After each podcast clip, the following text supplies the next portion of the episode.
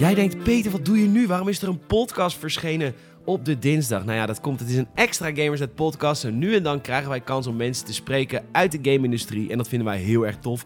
En uh, onlangs mochten wij in gesprek met Lee Mather. Hij is de game director van F1 2019. Die game verschijnt aanstaande vrijdag. En daarom was hij natuurlijk overgevlogen helemaal vanuit Engeland, vanuit de Codemaster Studios om, uh, om met mij te praten over de release van, uh, van F1 2019. En dat is natuurlijk voor ons Nederlanders op dit moment heel erg vet vanwege natuurlijk onze Max Verstappen.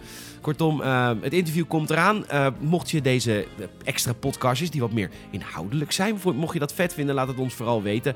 dat kan via podcast.gamersnet.nl, via alle bekende kanalen.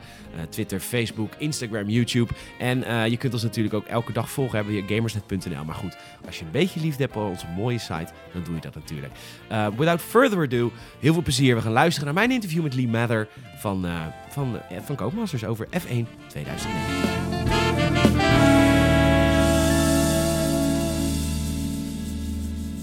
Lee, the game director of, of F1 2019 already, your 10th game. It's been a, quite a ride. Have you been um, um, have you been in development for long in the series?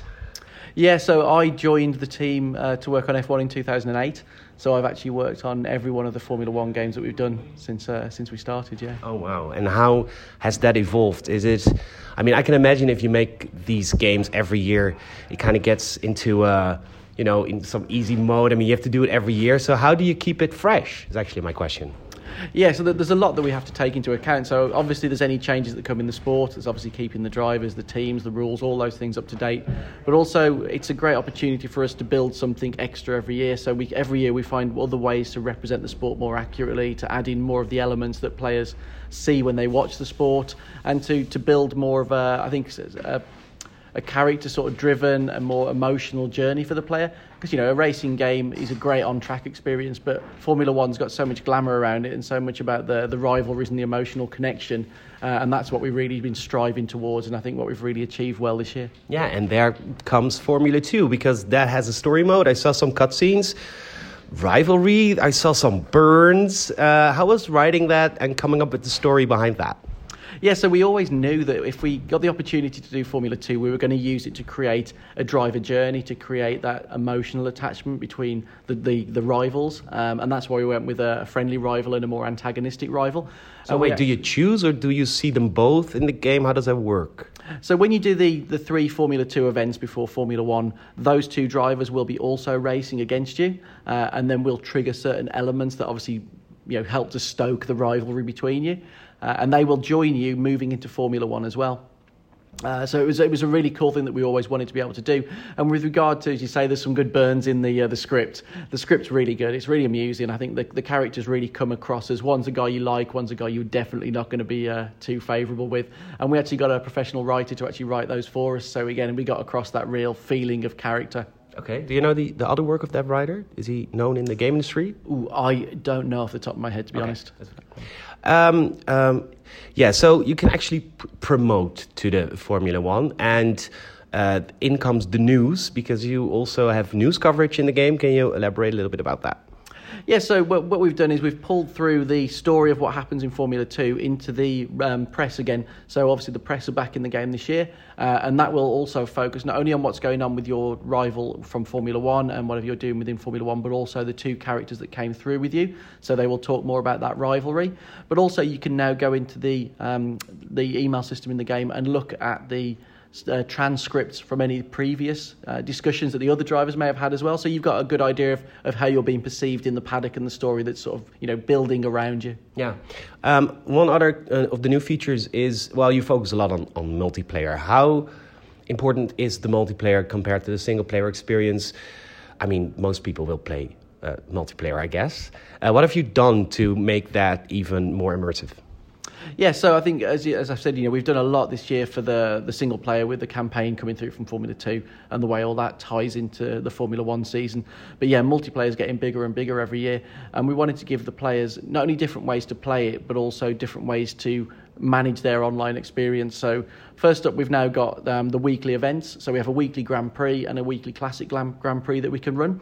And that will essentially take a Grand Prix weekend and split it over the course of the week. So you'll participate in practice sessions where you learn competition points. Competition points are then the currency you can spend on in-game customization. So that's car skins, helmets, suits, uh, and gloves.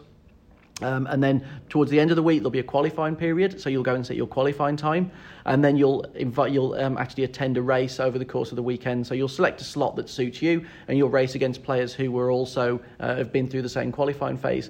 So that's really cool, and there'll be, there'll be prizes attached to that. So you'll get a, like a unique trophy, for example, that you can then showcase in your Oh, wow. trophy cabinet. So we want people to really showcase. A lot of people are going to want to do that. Yeah, I think people are going to want to showcase their achievements in the game. So then you'll be able to compare your trophies against other people in the lobby as well. Yeah. So it, there's a lot of obviously competitive element to it.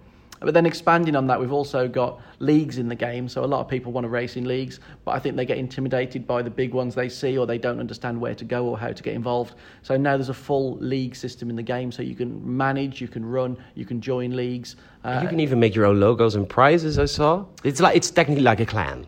So yes, Club. uh, yeah, yeah, it's very much like a club, I would say. So um, to create the logos, to, to create the, uh, the the little badges and things, what we do is have a, a livery system in there where you can pick uh, a ribbon that represents, and then you can select the colours, and then you can select the badge that you want to apply to it. So it creates a, a symbol, so to So speak. it's not a full on customization, which would be a hassle for you guys to moderate because then a lot of penises would be trophies. Yeah, obviously, obviously being a yeah, that is very much the case. But um, but especially being a licensed product of a real sport, it's super important that we don't allow that sort of thing Yeah. to happen. So so for those reasons, we have a system where those sort of exploits can't happen, Okay. but it allows for a good degree of customization. Yeah. I'm, I'm always amazed by the customization of cars. I mean, with the sponsorships and the licenses, that that is even allowed. So it's a first for us this year. We've, Yeah. ne- we've never been able to do it before. Um, we've achieved it by um, building a Formula One 2019 specification car. It's built to the rules of the sport. Um, our car team, Ross Brawn and Pat Symonds, collaborated to make a car that is authentically a Formula One car. But it's not one of the existing teams, so that gave us the license to be able to apply liveries to it and customization. You And life hacked your way out of that one. Yes, yeah, it, it was it was a great way of doing it. It, Yeah. it gives us that freedom to be able to give the player a, a more personalised experience online. I um, you told us uh, about the lighting. Uh, you've got your uh, uh, nighttime drive experiences, and that you told us that drivers actually told you that it wasn't realistic enough, that it was too light in previous games. That's what you told me. Yeah, I say I, not not so much too light. It was more a case of the light wasn't sort of blanket enough. It's very much a case of ours were very much like say street lights the way they the way they appeared in the game. Whereas the drivers had said to us that when they race at night, they wouldn't even know it was night because the lights are so effective. Everything around them within that range that they're on, just outside the track ribbon, is is so well lit. You know, it's it's the people who are outside of the track that really can experience the fact they're at night. The drivers, it's very much like daylight because of the intensity and the, the blanket cover of those lights. So that was something that was really important for us to try and get right this year. And, and we So it's have actually lighter. yeah, Okay, yeah, cool. yeah. So it actually feels more like racing in daylight to a degree, but you get that, uh, you know, the mist in the environment. You can see the way the light diffuses through the mist and it reflects and stuff. So everything looks very natural and very realistic. Okay. So who who tells you that? Does a does a driver just email you? Do they come over? How does how does that even work? So obviously we scan the driver faces. Oh, Um, you talk. And when we when we scan the driver faces, we'll often have somebody take a console and a monitor, and they can play as well. So it's a case of if they've got time to sit down and play the game for a little bit, it's always great to get any opportunity for driver feedback. Uh, and obviously, we've still got people like Anthony Davidson, who we talk to regularly, who races in things like Le Mans, and and he's still got a great idea of you know, what it's like to drive a Formula One car as a test driver, as still a sim driver for Mercedes. So we've still got great ways to get really good information from you know, drivers in the sport. Formula One is big in Holland now, thanks to Max, and um, we're going to get a Grand Prix. So when are you going to start uh, designing the most awesome uh, circuit you're ever going to make for your game? well, I mean, as as you know, I mean, this this year's the 2019 game, so it's fully official. Everything's as it should be. If if 2020 comes about and there happens to be a circuit in there called Zandvoort, then we will obviously replicate the circuit and the season as correctly as possible. Nah, that's gonna be awesome. Um, thank you very much for your time. Oh, I had one more very game nerdy related question. I saw a Steam logo on your sheets today. Uh, no Epic Game Store for F1, and why is the decision made? That's one for the bosses, not for me. Okay, So- so, it's not available on Epic uh, Epic Game Store. Uh, at the moment, it's launching on, on Steam and Xbox One and PS4. Thank you very much for that very official answer, and thank you for your time. No problem. Pleasure. Cheers.